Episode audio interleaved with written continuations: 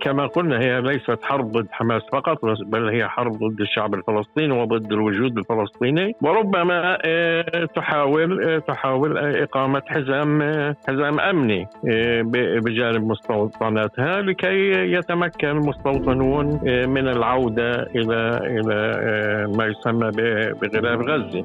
بالنسبة بالنسبة لتحقيق هدفها في في القضاء على حماس هي لن تنجح بالقضاء على حماس. هذا معروف. وهذا معظم الخبراء العسكريين والسياسيين رجحوا من اليوم الأول أن الهدف الأهداف التي وضعتها إسرائيل القضاء على حماس وفي سحق حماس ومحو حماس هي أهداف عبثية ومستحيلة. بعد 39 يوم من الحرب على غزة العدوان المتواصل في كثير تساؤلات وبهالحلقة راح يكون معي الزميل الصحفي في موقع 48 سليمان أبو رشيد. لنجاوب على عدة تساؤلات ونخوض النقاش بعدة نقاط. إيه صباح الخير سليمان. صباح النور شوف إسرائيل حطت لحالها هدفين بهاي الحرب. أول إشي بدها تقضي على حركة حماس والهدف الثاني هو استعادة أسراها من غزة. إيه، بعد 39 يوم من الحرب المتواصلة برا وبحرا وجوا على القطاع المحاصر.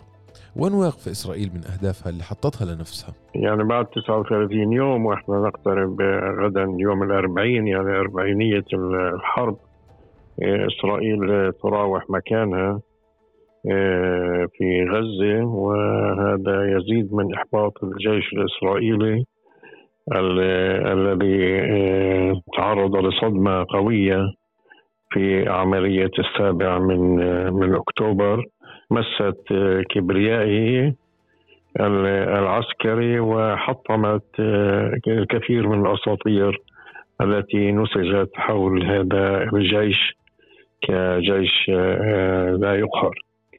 إلا أن عدم تحقيق الأهداف أو الهدفين المعلنين وهما القضاء على حركة حماس أو تقويض سلطة حركة حماس والهدف الثاني تحرير الأسرى آه، لا يجب أن يعمينا عن آه، الأهداف الاستراتيجية اللي, اللي إسرائيل بتحققها في هذه العملية خاصة إذا رجعنا لجذور الصراع إنه إحنا آه، بنحكي على حركة ودولة كيان استعماري. حربه لا, لا تقتصر على حركة حماس. حربه هي ضد الشعب الفلسطيني واستغل إيه، العملية واستغل الحرب واستغل التأييد العالمي الذي حظي به لتحقيق إيه، ربما أهداف استراتيجية أو لو محاولة تحقيق ربما أهداف استراتيجية تتمثل بحرب الإبادة. الشاملة ضد الشعب الفلسطيني ومشروع تهجير الشعب الفلسطيني. ونجح إلى حد ما في في في تدمير في في حربه التدميرية ضد قطاع غزة. نحن نعرف أن إسرائيل حربها ضد الشعب الفلسطيني. هي في هي في 48 خاضت حرب ضد الشعب الفلسطيني وما زالت آه، منذ منذ 48 وحتى اليوم هي آه، تقتل و و و وتجرح وتصيب وتهجر الفلسطينيين في كل مكان لأن طبيعتها كمشروع استعماري آه، لتثبيت أركان مشروعها يجب أن تمحو هذا الشعب آه، عن عن الوجود وتمحو أي مقاومة له.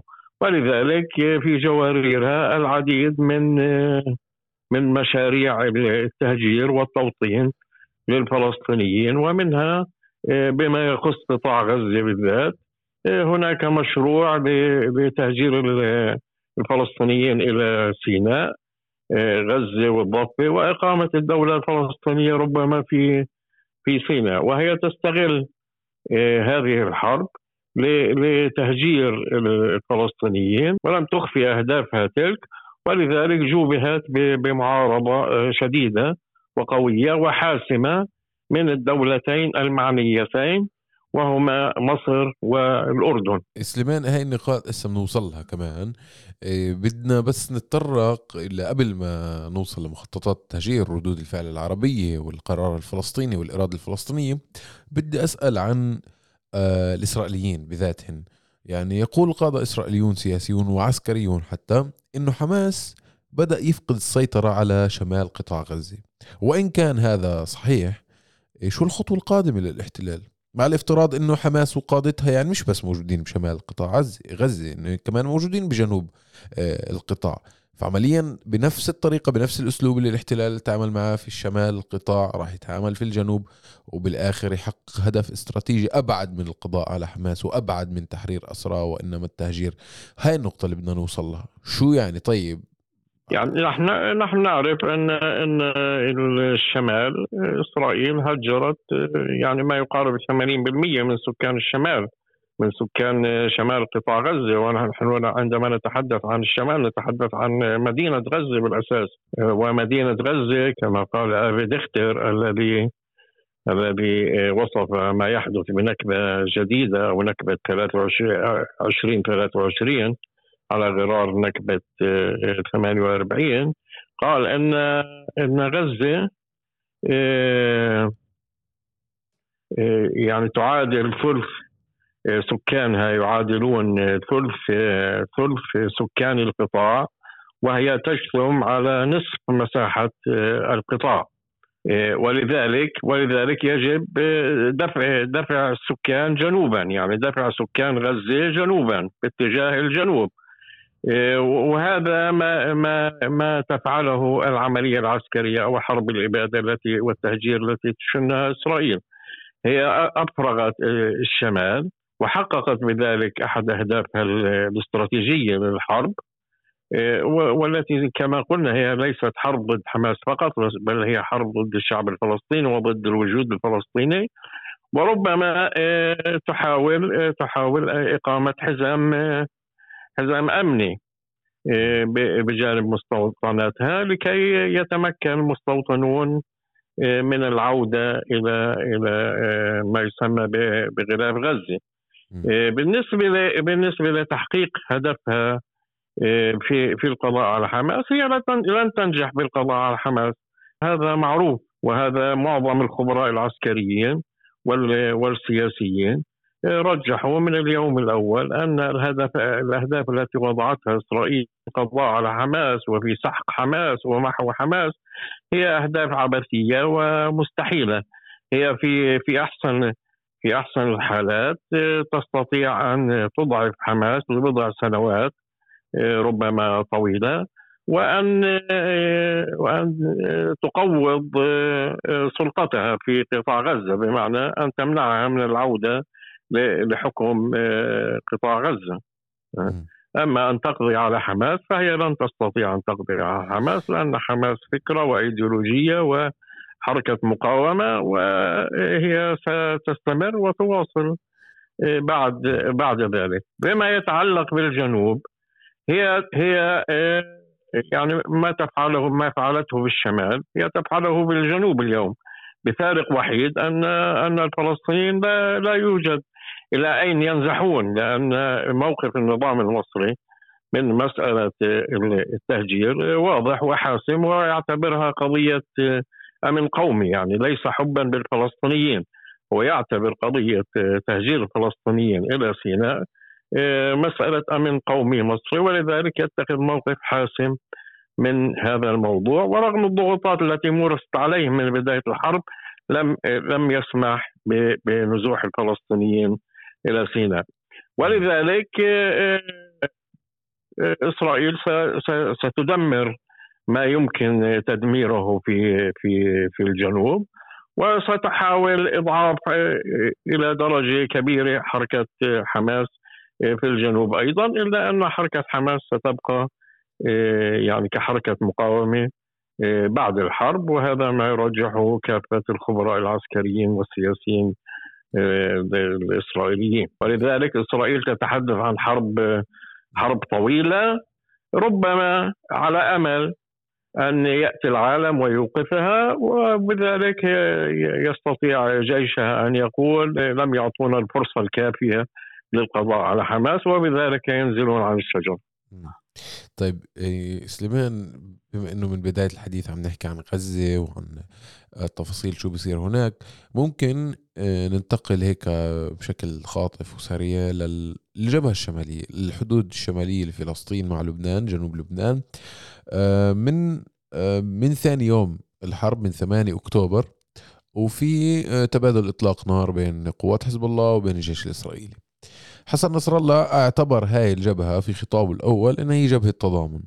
وفي الخطاب الثاني ترك الباب مفتوح أكثر لأنه العمليات ممكن تكون آه، التصعيد مقابل التصعيد. أكثر ترك الباب مفتوح للميدان. بمعنى قال أنه التصعيد مقابل التصعيد ووفقا للسلوك الميداني العسكري آه، هناك بيكون آه، سلوك بالمقابل. فإحنا شو نتوخى أو هو شو بتوخى من الحرب حزب الله؟ والفلسطينيين شو بتوخوا؟ وهل أصلا حرب على الجبهة الشمالية بتأدي لتغيير مجريات الحرب في غزة؟ هل بيساعد على تغيير مجرياتها بالأساس؟ آه، اولا بالنسبة بالنسبة للحرب أو ما يدور على جبهة الشمال من إسرائيل تسميه قتال وليس حربا بعكس غزة التي تسميها حربا حرب على غزة وإنما قتال في في الشمال إيه، حزب الله المقاومة اللبنانية وحزب الله بالذات على رأسها إيه، يعرف أن هناك ترابط بين ما يحدث في الجنوب وما يحدث في الشمال. هي إسرائيل واحدة. واذا إذا فيما إذا انتصرت إسرائيل إيه، كما تقول على غزة أو على حماس هذا سيؤثر على على الشمال. وآخر تصريح نتنياهو كان إنه إيه، يعني أول إيه، أول يعني ضربه لحزب الله هي هي انتصارنا على حماس ستكون ضربه لحزب الله ويعرف هذا الترابط. ولذلك لم يقف مكتوف الأيدي ولن يقف مكتوف الأيدي. هو من اليوم الأول للحرب آه، حرك يعني تحرك عسكريا وفتح جبهة مع إسرائيل وهو آه، يعني حدد أهدافه بأنه يشغل الجيش سيشغل الجيش الإسرائيلي ويخفف الضغط على غزة وأعتبرها آه، جبهة مساندة لغزة. وترك الأمور مفتوحة. من جهتها إسرائيل غير معنية. هي أعربت يعني هي قيادتها وامريكا بالذات أكدوا في أكثر من مناسبة أنهم لا يريدون حربا إقليمية ولا يريدون حرب متعددة الجبهات وإذا انتبهت المحللين العسكريين الإسرائيليين كانوا وكأنهم حتى يدافعون عن حزب الله في بداية الحرب لا حزب الله لا لا لا يتقدم ولا يضرب ولا يفعل ولا آه، كذا ولذلك كأنهم يريدون اتقاء شر آه، حزب الله. من جهته آه، حزب الله التزم بخطوط معينة خاصة في الخطاب الأول وطمأن إسرائيل بمعنى كأنه طمأن إسرائيل أنه لا يريد حرب إقليمية. في الخطاب الثاني تقدم خطوة إلى الأمام وترك الأمور مفتوحة للميدان وهناك تخوف هناك تخوف إسرائيل لأن الانطباع السائد أنه لن تكون حرب إقليمية لن تكون حرب مع حزب الله.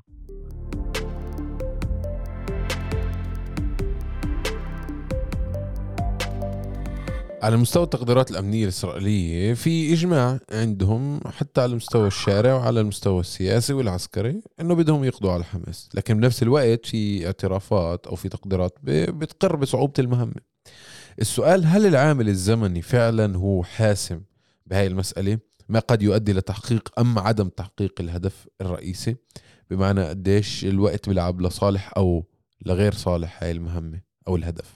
يعني إسرائيل آه، يعني ده استراتيجية إسرائيل كانت وهي ما يعني ما نتيجة الحرب هاي سقطت هذه الاستراتيجية ويلام نتنياهو آه، عليها كثيرا اسرائيليا وربما المطالبات بمحاكمته وتحميله المسؤوليه الأولى والكاملة للحرب أن السياسة الإسرائيلية تجاه حماس هو لم يبنيها نتنياهو هو بناها شارون وقبله رابين في عزل غزة وفك وفك الارتباط مع مع غزة ومن ثم آه، آه، آه، تقسيم يعني تكريس الانقسام الفلسطيني والتعامل مع غزة بمعنى كان يلام نتنياهو اسرائيليا على أنه يقوي حماس على حساب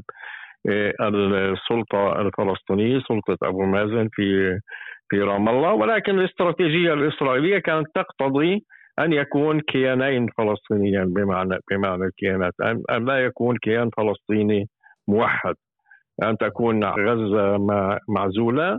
وأن يتم تقطيع الضفة لضم المناطق الجيم في الضفة الغربية انهاء هذه كانت استراتيجية الليكود اللي بناها اللي بناها شارون وعززها نتنياهو ونجحت إلى حد ما. وكان يعني الإدعاء إدعاء نتنياهو أن حماس مردوعة.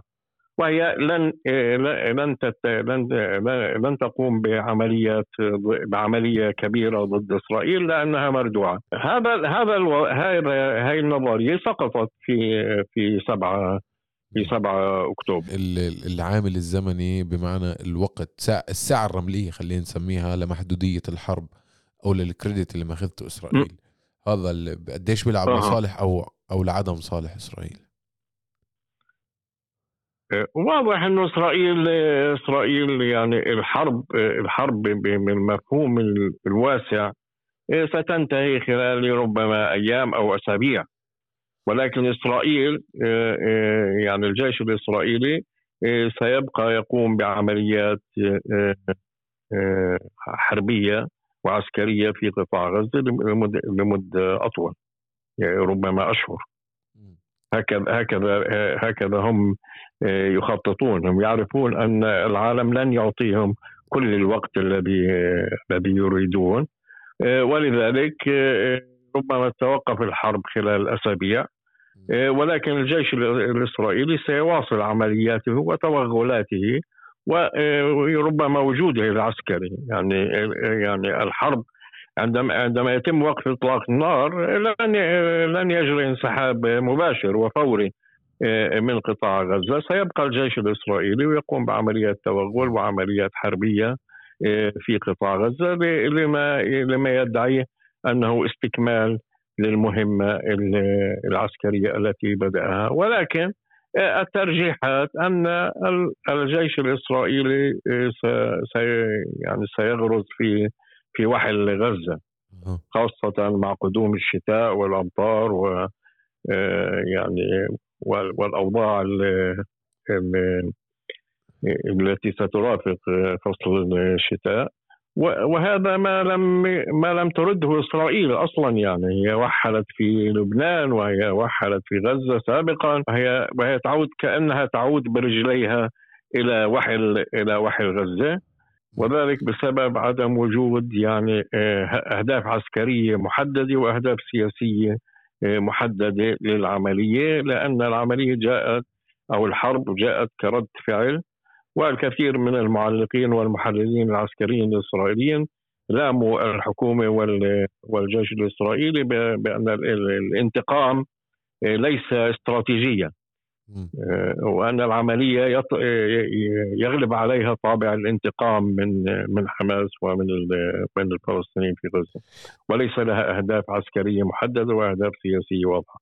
الإسرائيليون والأوروبيون والأمريكيون من اليوم الأول للحرب أو من بعديه أيام منها بلشوا يحكوا عن اليوم التالي لما بعد الحرب. وكأنه القرار لشكل النظام السياسي بغزة راح يكون مفروض فرض.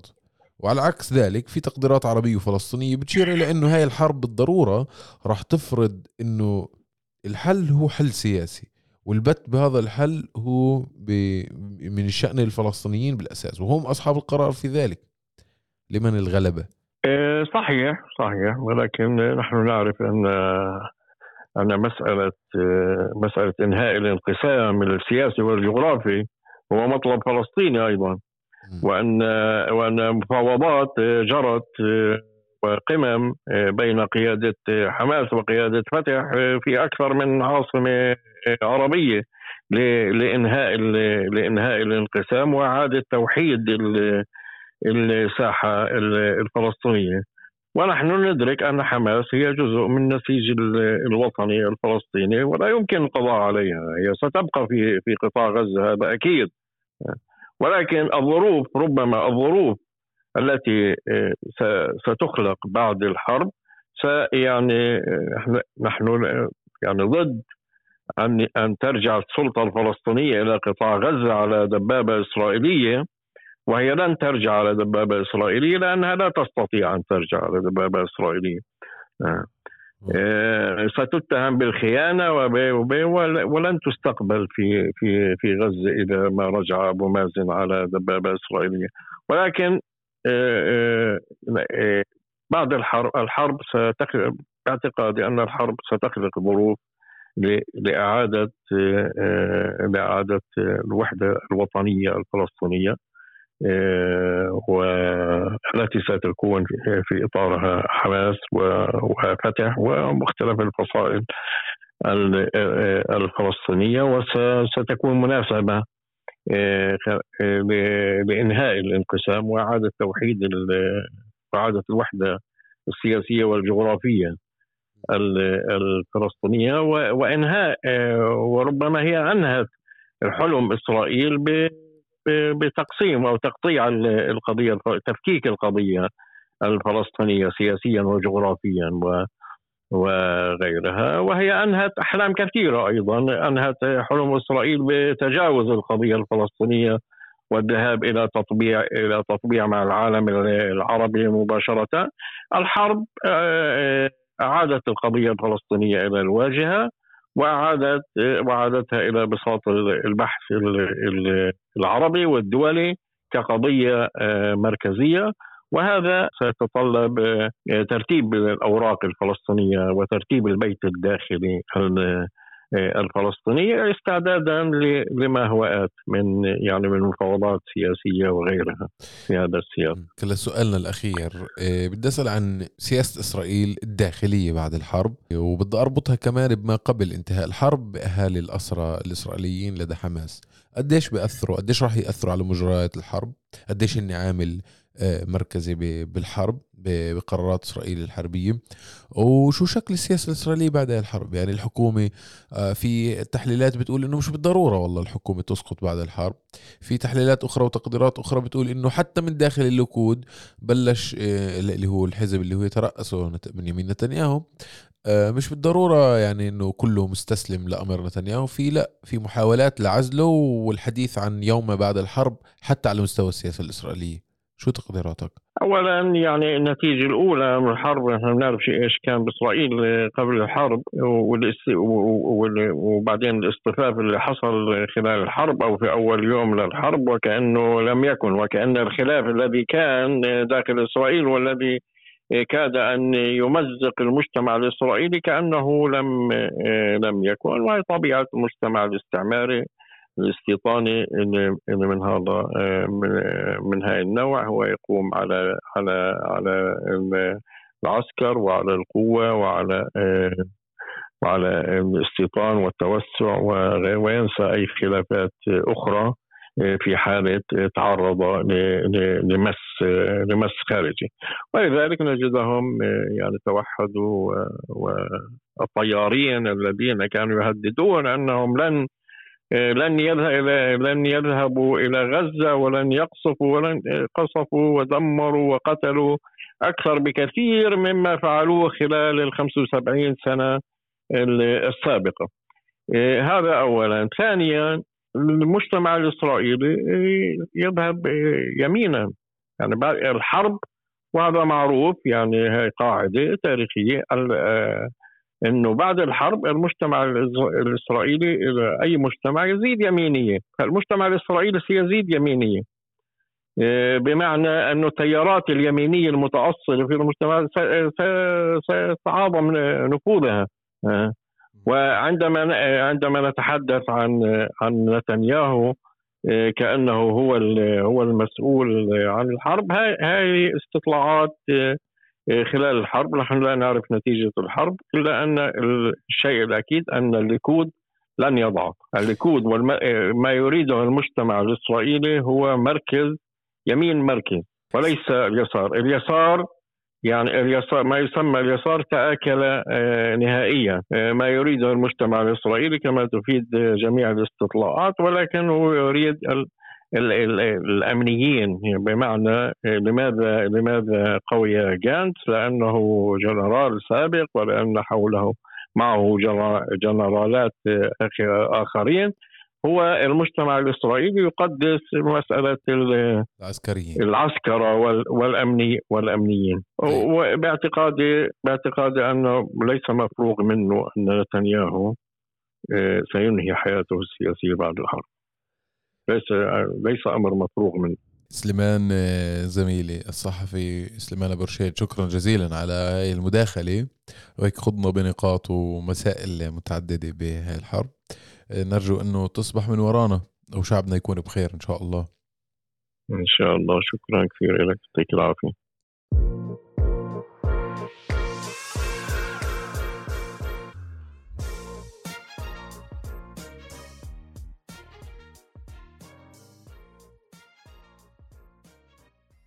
طيب أعزائنا المستمعين هيك بنكون وصلنا لنهاية حلقتنا من بودكاست الأسبوع في عرب 48 بدي أطلب منكم طلب اللي لسه ما عملناش متابعة على منصات البودكاست المختلفة سبوتيفاي جوجل بودكاست ابل بودكاست تنسوش تعملوا لنا متابعة اسا اعملوا لنا متابعة كثير بيساعدنا تنسوش تبعثوا لنا مقترحاتكم وملاحظاتكم على الحلقات السابقة وعلى مقترحات لحلقات قادمة. وللاسبوع القادم لقاء آخر.